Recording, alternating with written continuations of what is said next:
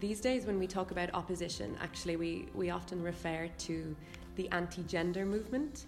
During Sunday morning Mass, the priest tells you and the congregation that abortion is murder. Det räcker inte, vi, vi är inte klara, vi måste ha en samtyckeslag.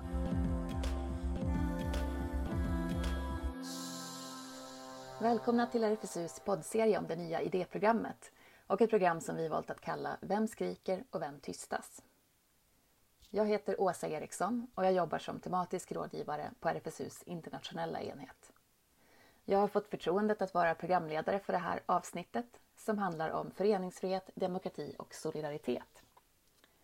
De här frågorna har aktualiserats av en växande och välfinansierad mobilisering mot sexuella och reproduktiva rättigheter och kvinnors och hbtqi-personers rättigheter runt om i världen. I delar av Europa såväl som i många andra länder där RFSU stöttar lokala samarbetspartners så arbetar starka krafter mot aborträtten, hbtqi-rättigheter och sexualundervisning. Och aktivister utsätts för hat och hot. Ibland är det här del av ett bredare angrepp mot yttrandefrihet, föreningsfrihet och demokrati. Det här programmet kommer också att vända blicken inåt mot organisationer som arbetar för SRHR, som RFSU, och lyfta frågor om vilka röster som får ta plats inom civilsamhället. Hur ser utrymmet ut för kritiska röster, nya perspektiv och frågor? Vem får ta plats och vem tystas? Vi har bjudit in tre gäster för att hjälpa oss att tänka vidare kring de här frågorna. Först kommer ni att få lyssna till två personer från RFSUs internationella samarbetspartners. Emer Sparks som arbetar på IPPFs Europakontor och Linda Wanjiro Kruger från rättighetsorganisationen Kalin i Kenya. Båda två möter dagligen i sina olika kontexter det organiserade motståndet mot SRHR.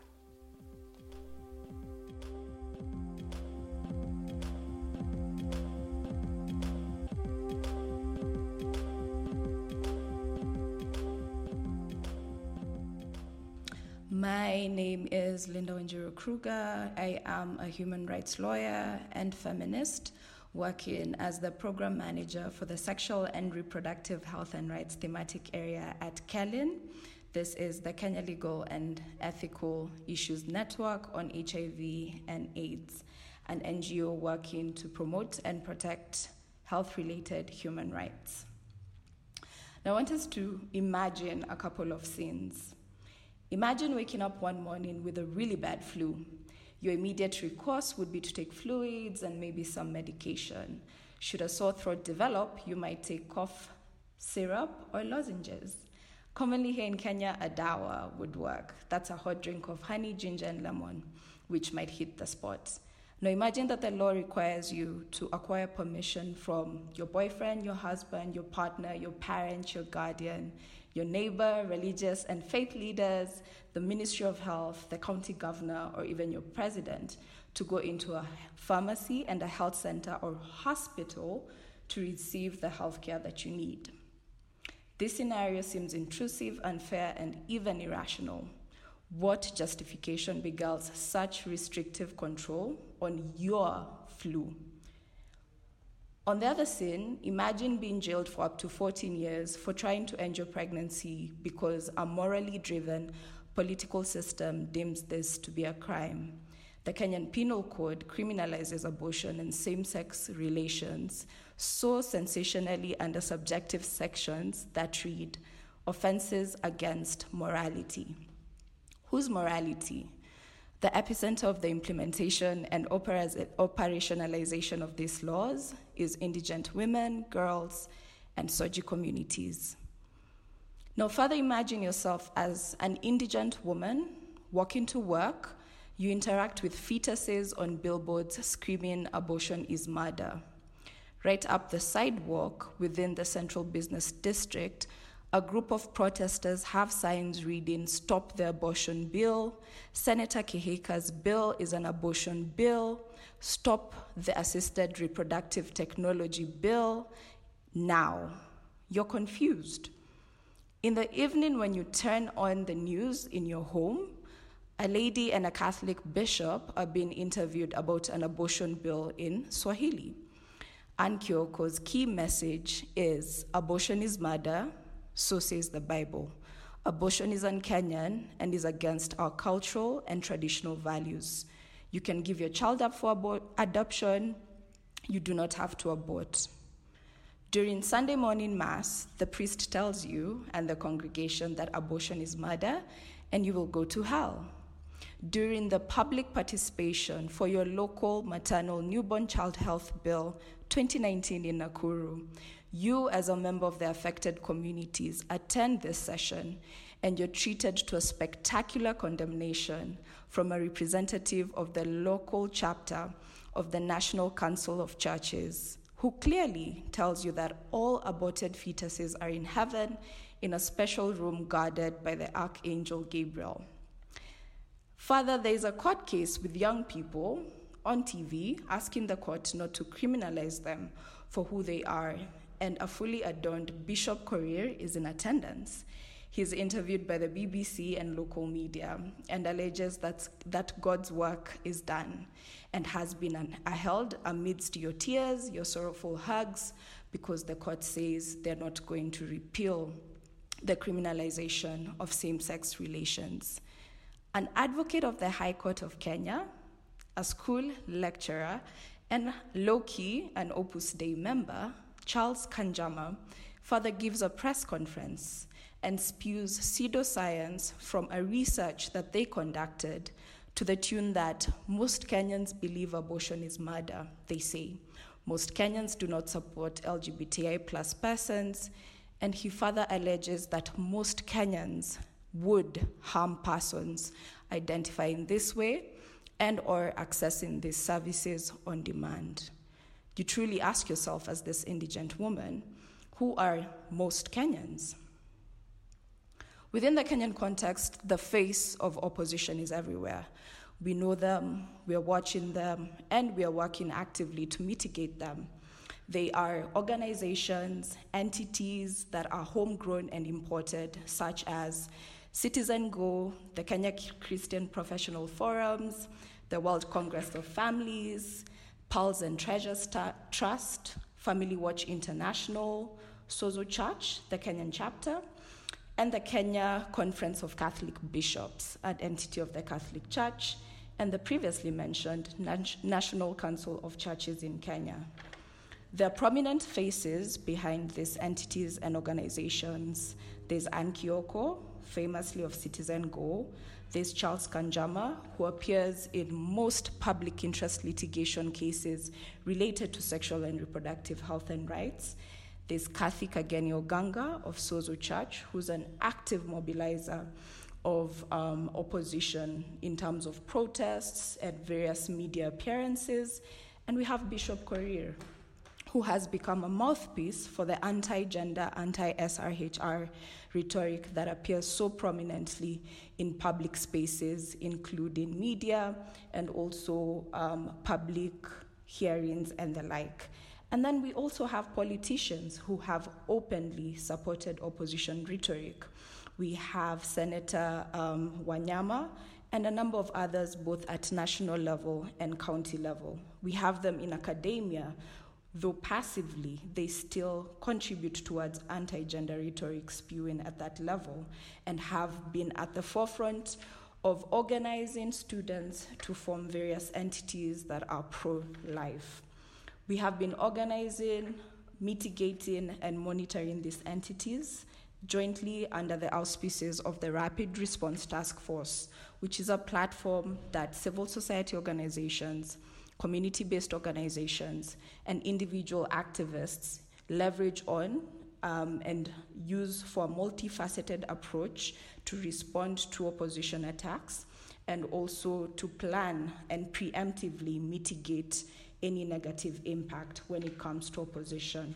We have successfully stopped the billboards of fetuses by leveraging on our political champions and also through legal means in terms of letters of demands. We actively mitigated the opposition against the Reproductive Health Bill 2020 that was so actively at the center of opposition attacks in 2020 and 2021. And most recently, we have actively stopped the launching of two key reproductive health policies that seem, seemingly regress the gains that the Constitution has given us for sexual and reproductive health and rights. So our organizing has improved, but there's still room for us to keep things moving on in a stronger approach. We call for solidarity both at global level, at regional level, and national levels to have more strengthened organizing, sharing of intelligence, because these actors are both global as they are local. They are imported as they are homegrown. We call for unrestricted funding for more organized efforts and for organizations already working on opposition monitoring and mitigation to build more capacities of various actors across SRHR. The opposition's unconventional attacks equal unconventional and conventional mitigation at, uh, strategies. The same way that they have the freedom to organize creatively, we also need unrestricted funding to do the same. And that is my input.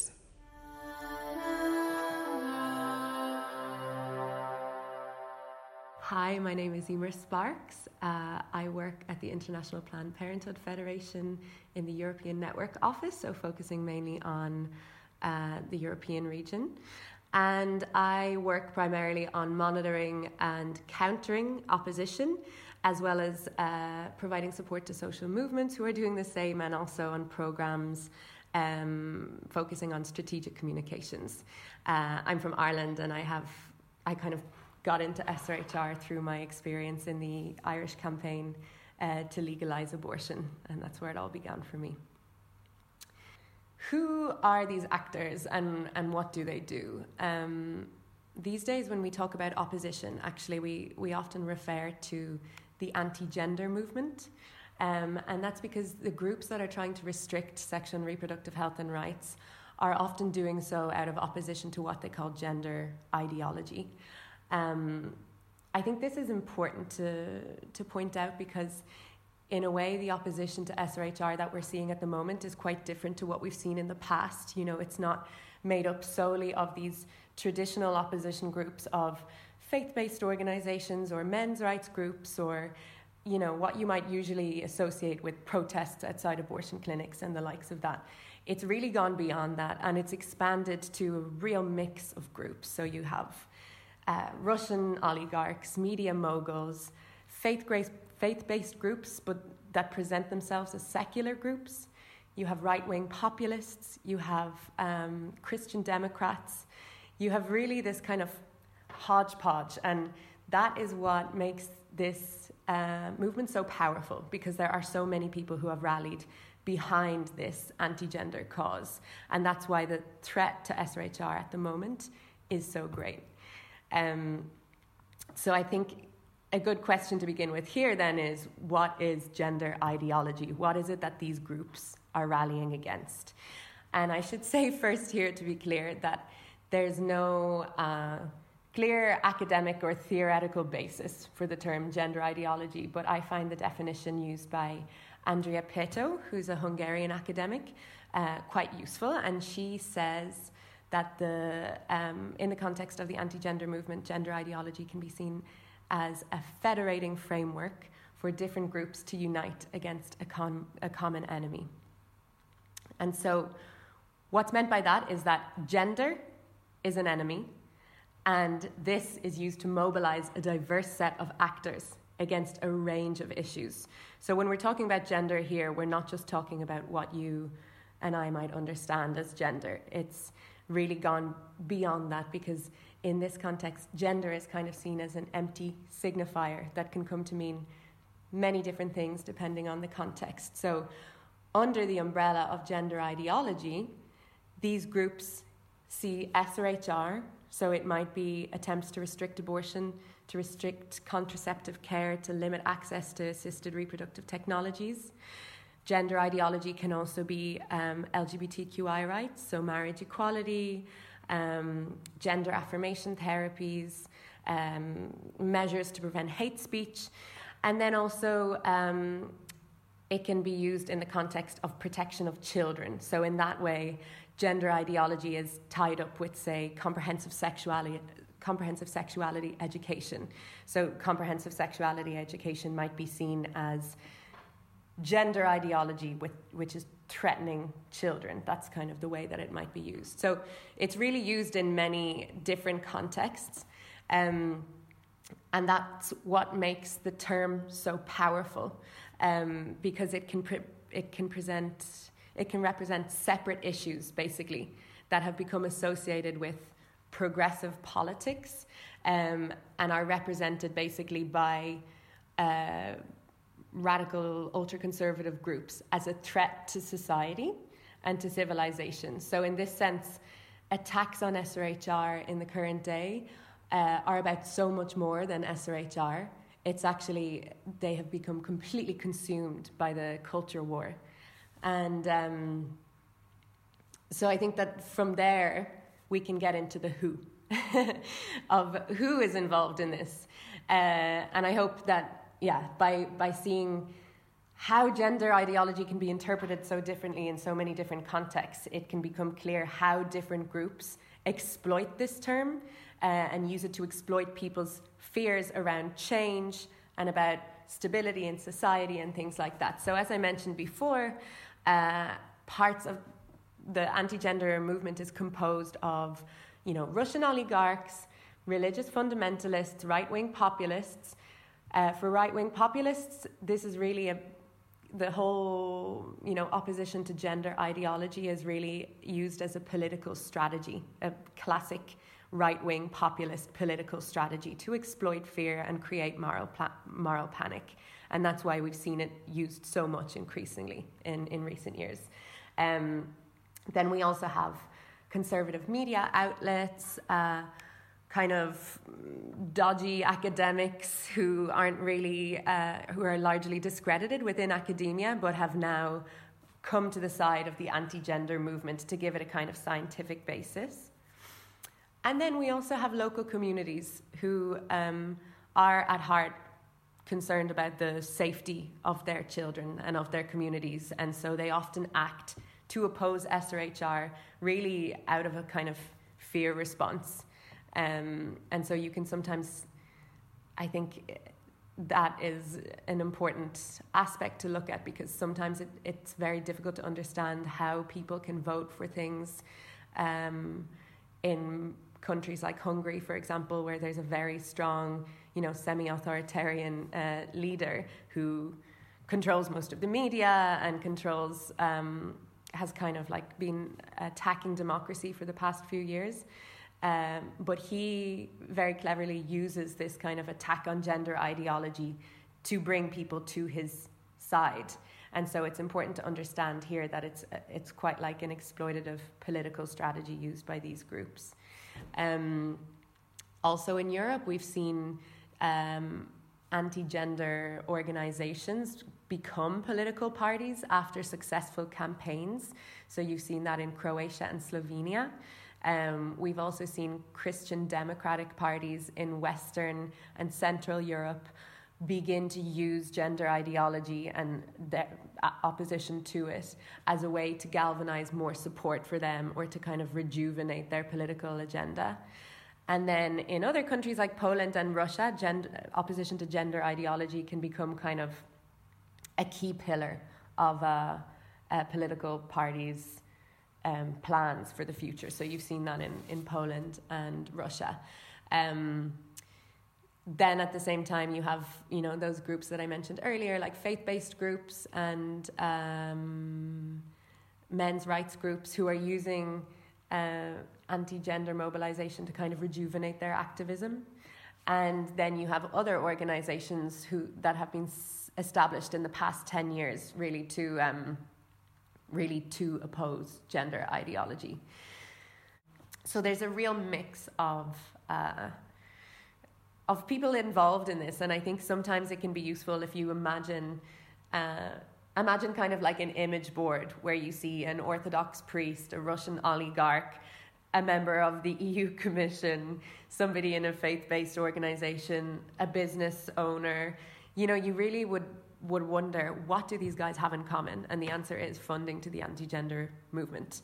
Um, so that is what makes our uh, the challenge so great also because we're still uncovering the sources of this funding. And while as i said there's been a lot of research into uh, the funding streams coming from the us and recently the european parliamentary forum has done amazing research on the funding coming from europe there's still so much to uncover and unpack from what's coming from russia for example. Um, so uncovering that and then figuring out ways of uh, exposing these guys and the funding streams that and the ways that they're funding anti-rights initiative is key to what the SRHR movement faces um, ahead of us to secure our sexual and reproductive health and rights uh, going forward.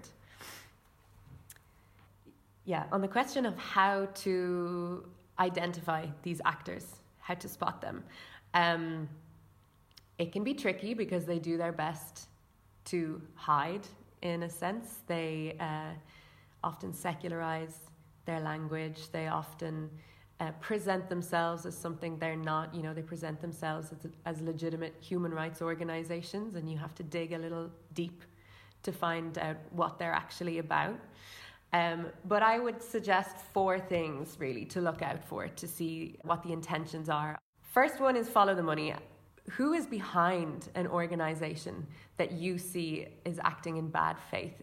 Then you have to look out for language manipulation. They really do a good job of only using loaded terms. So they will never say abortion, they'll only refer to murder. They'll never say embryo or fetus, they'll say unborn child. Um, they will also take over human rights language. So you, this is where you have to be particularly careful because sometimes uh, they're talking in terms of human rights, and you have to really check if these are human rights as you know them to be um, understood by the international consensus on human rights. Simple tip, I think, is really to follow the links behind something that you're reading. So, something that they often do is try to present evidence um, that they have doctored or that they have created as some kind of legitimate evidence created by uh, the academy. And so they might, you might read an article uh, claiming that you know um, 90% of women uh, regret their abortions, and then they link to a study. If you click through to that study, you'll often find that this is written by anti-gender academics or was published by an institute that was set up by an anti gender organization. And then the last thing, this is also for perhaps more for people with a bit of legal expertise, but often uh, the anti gender movement gives legal analysis based on kind of cherry picking or honestly in violation of the principles of legal interpretation. They distort a legal understanding of concepts such as discrimination freedom of conscience and religious belief.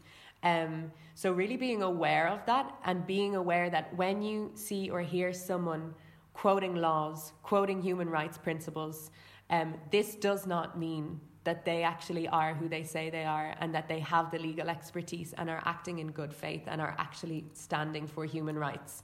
So you have to have a healthy dose of skepticism, I think, at all times when you're dealing with these people.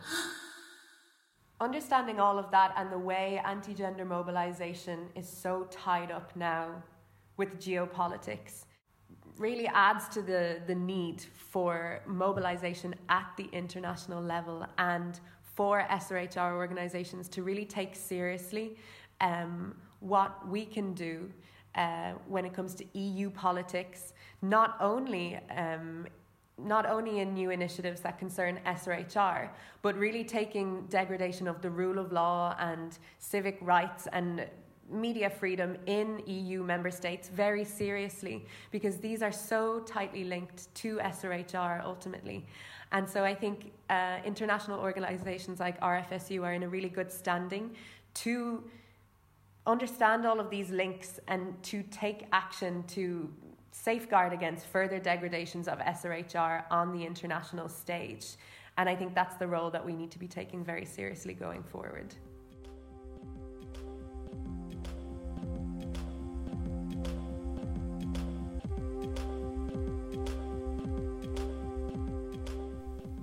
Som vi kunde höra i de här intervjuerna har Eimear Sparks från IPPFs Europakontor och Linda Wanjiru Kroeger från RFSUs samarbetspartner Kelin i Kenya flera viktiga råd och medskick i arbetet med idéprogrammet.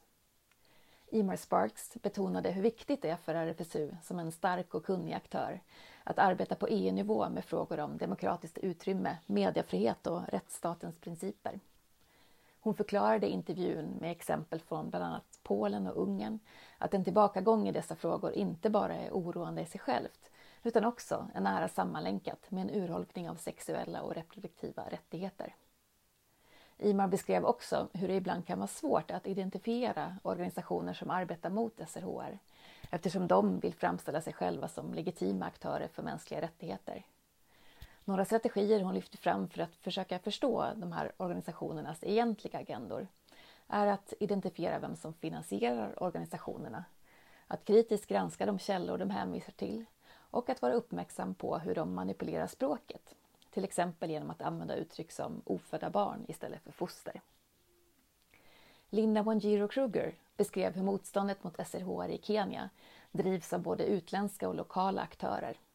Amerikanska och europeiska organisationer som spanska Citizen Go är starkt drivande och de arbetar tillsammans med ett växande nätverk av kenyanska religiösa ledare och frivilliga organisationer, politiker och akademiker som mobiliserar på bred front mot aborträtten, sexuella rättigheter och sexualundervisning.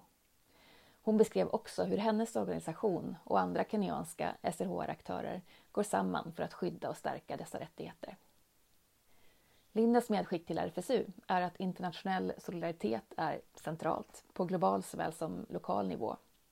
Hon betonade att SRHR-aktörer behöver använda både konventionella och okonventionella metoder och kunna agera snabbt i respons mot mobilisering mot SRHR.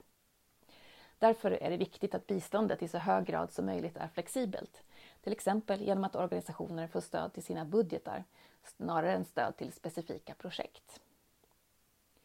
Intervjuerna med Imar och Linda visar tydligt på det starka motståndet mot SRHR i delar av Europa, i Kenya och på andra håll i världen och på vikten av solidaritet. Även om kontrasterna är stora gentemot situationen i Sverige idag så är det viktigt att vara uppmärksam på de aktörer som driver en antigenusagenda och motsätter sig SRHR här och nu. Vi behöver också ha en beredskap för att de rättigheter vi idag ser som självklara kan komma under attack på nytt. Men utöver att fokusera på det här yttre motståndet i omvärlden och Sverige är det också viktigt att vända blicken mot oss själva och reflektera kring utrymmet inom organisationer som RFSU. Hur agerar vi som en stark SRHR-aktör i Sverige? Får nya frågor och kritiska röster utrymme inom RFSU? Och vilka solidariserar vi oss med som organisation? För att ge oss perspektiv och en möjlighet till kritisk självreflektion kring de här frågorna har vi bjudit in Demet Ergun från Fatta.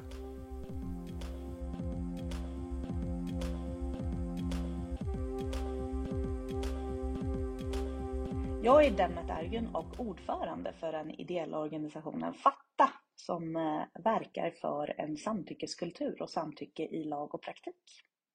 Fatta grundades som en reaktion egentligen, eh, eller startskottet till Fatta var en reaktion till en friande dom i Umeå där eh, ett gäng grabbar hade gruppvåldtagit en tjej med bland annat en vinflaska den här äh, domen som var friande fanns det en artikel om i Expressen som var startskottet till den här reaktionen. Eh, I artikeln så hade de bland annat skrivit om anledningarna till den friande domen och att det då till exempel inte visades till eh, ont uppsåt eftersom att grabbarna hade slutat penetrera den här tjejen när hon väl började blöda. Så de eh, hade då enligt den, här, äh, enligt den dåvarande lagen uppenbarligen inte ont uppsåt eftersom att de slutade. Eh, det här skapade reaktioner eh, och var grunden till vad Fatta är idag. Eh, Vanessa Marco, Nathalie, alltså Cleo som alla känner till, hiphopparen, Ida Östensson, Isabella, a.k.a. Syster Sol och Nastia Osman var de som grundade Fatta då. De samlade sig och började samla in olika typer av historier och det här var ju väldigt långt innan metoo hände. Och det de egentligen frågade på sociala medier, som då var Facebook bara, eh, var att vem har, vilka fler sådana här typer av historier har vi bland oss? Skriv dem till oss.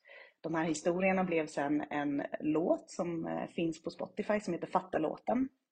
Eh, där det är liksom utklipp från personers olika historier eh, av olika typer av övergrepp. Eh, den låten genererade också i en debattartikel och när allt det var klart så insåg den här powergruppen att det räcker inte, vi, vi är inte klara än, vi måste ha en samtyckeslag. Det var egentligen då Fatta som eh, ideell förening liksom föddes. Det var då den skapades. Så tanken att det skulle vara en ideell förening, det var liksom aldrig det, det fanns inte med från början, utan det var mest en stark reaktion till den här ytterligare en friande dom av något som är så uppenbart att samtycke inte fanns. Anledningen till att eh, Fatta då startade som sin egna eh, ideella förening och inte gick ihop med RFSU var för att vi inte då var ense om vad samtycke innebar och att vi faktiskt behövde en samtyckeslag.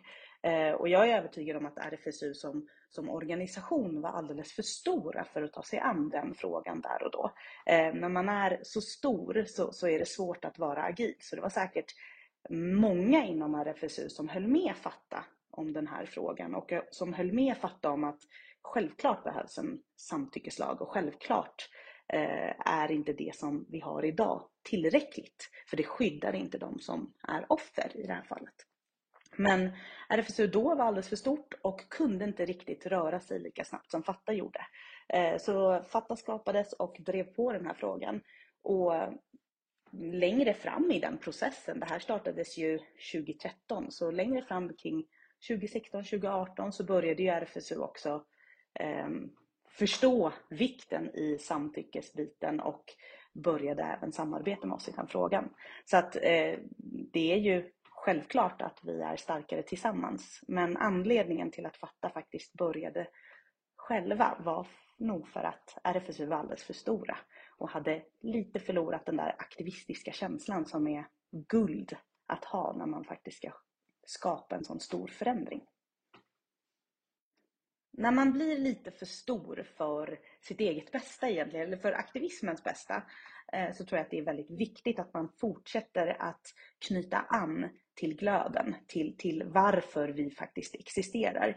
Även om Fatta bara idag är eh, 40 i vår liksom, eh, operativa verksamhet, så aktivister och styrelse, och strax över 300 medlemmar så, så har vi blivit lite för stora. Vi har lite förlorat den glädjen till och från. Eh, och framförallt efter samtyckeslagen så har det varit svårt för oss att hitta vad är våran fråga nu? Vad är det vi brinner för? Eh, så att något som vi kontinuerligt arbetar med är att eh, aktivera aktivisterna i att sätta agendan för det kommande året. Det kan vara stort och det kan vara litet. Det kan vara hur ser vi till att vi vad, vad ska vi prata om på Almedalen i år? Där det kanske är ett större strategiskt arbete där folk får, eh, får, får liksom lyftas in i arbetet oavsett vem de är. Att man, man liksom slopar det här hierarkiska som lätt kan skapas i stora organisationer för att där finns det ingen glöd. Eh, det hierarkiska, liksom, ja, då blir man liksom sågad vid fotknölarna egentligen. Eh, så att öppna upp för att möjliggöra för fler att tycka till och särskilt för organisationer såsom Fatta eller RFSU så är det ju ytterst viktigt att man faktiskt lyssnar till organisationen för det är ju dem man verkar för. Det är ju den verkligheten man vill skapa utanför organisationen. Så mitt eh, tips är också det vi jobbar med väldigt mycket i Fatta. Att slopa hierarkin, bjuda in alla till arbetet och vara väldigt transparenta i det stora och det lilla. Ett exempel är att jag kommer berätta för alla om det här samtalet som vi har haft idag och jag gjorde det redan innan för att höra vad de tyckte att jag skulle lyfta. Så att det inte bara blir Demet Power Hour. Liksom. En viktig punkt som våra aktivister tyckte att jag skulle lyfta är det feministiska ledarskapet som vi försöker driva i Fatta just nu. Och det är en ganska stor skillnad från att bara ha en kvinna som styr en organisation. För feministiskt ledarskap innebär inkludering, innebär en platt organisation, innebär att vi faktiskt inte har hierarkier eller en stark röst som bestämmer vad som ska göras, utan allas röst är lika värda.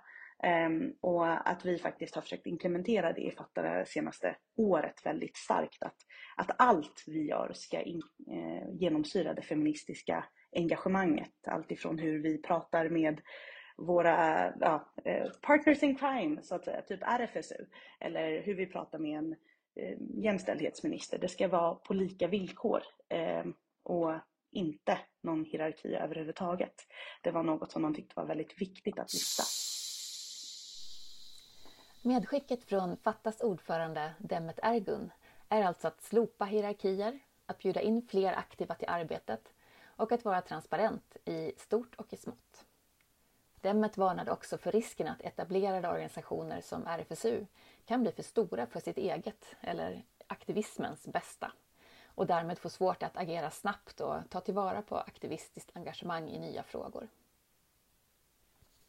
Några av de frågor jag vill skicka med inför samtalet om den här podden är Hur ser ni på Demmens varning? Finns det en risk för att RFSU blivit för stort för sitt eget bästa och därmed inte ger utrymme för nya sätt att vara aktivist på?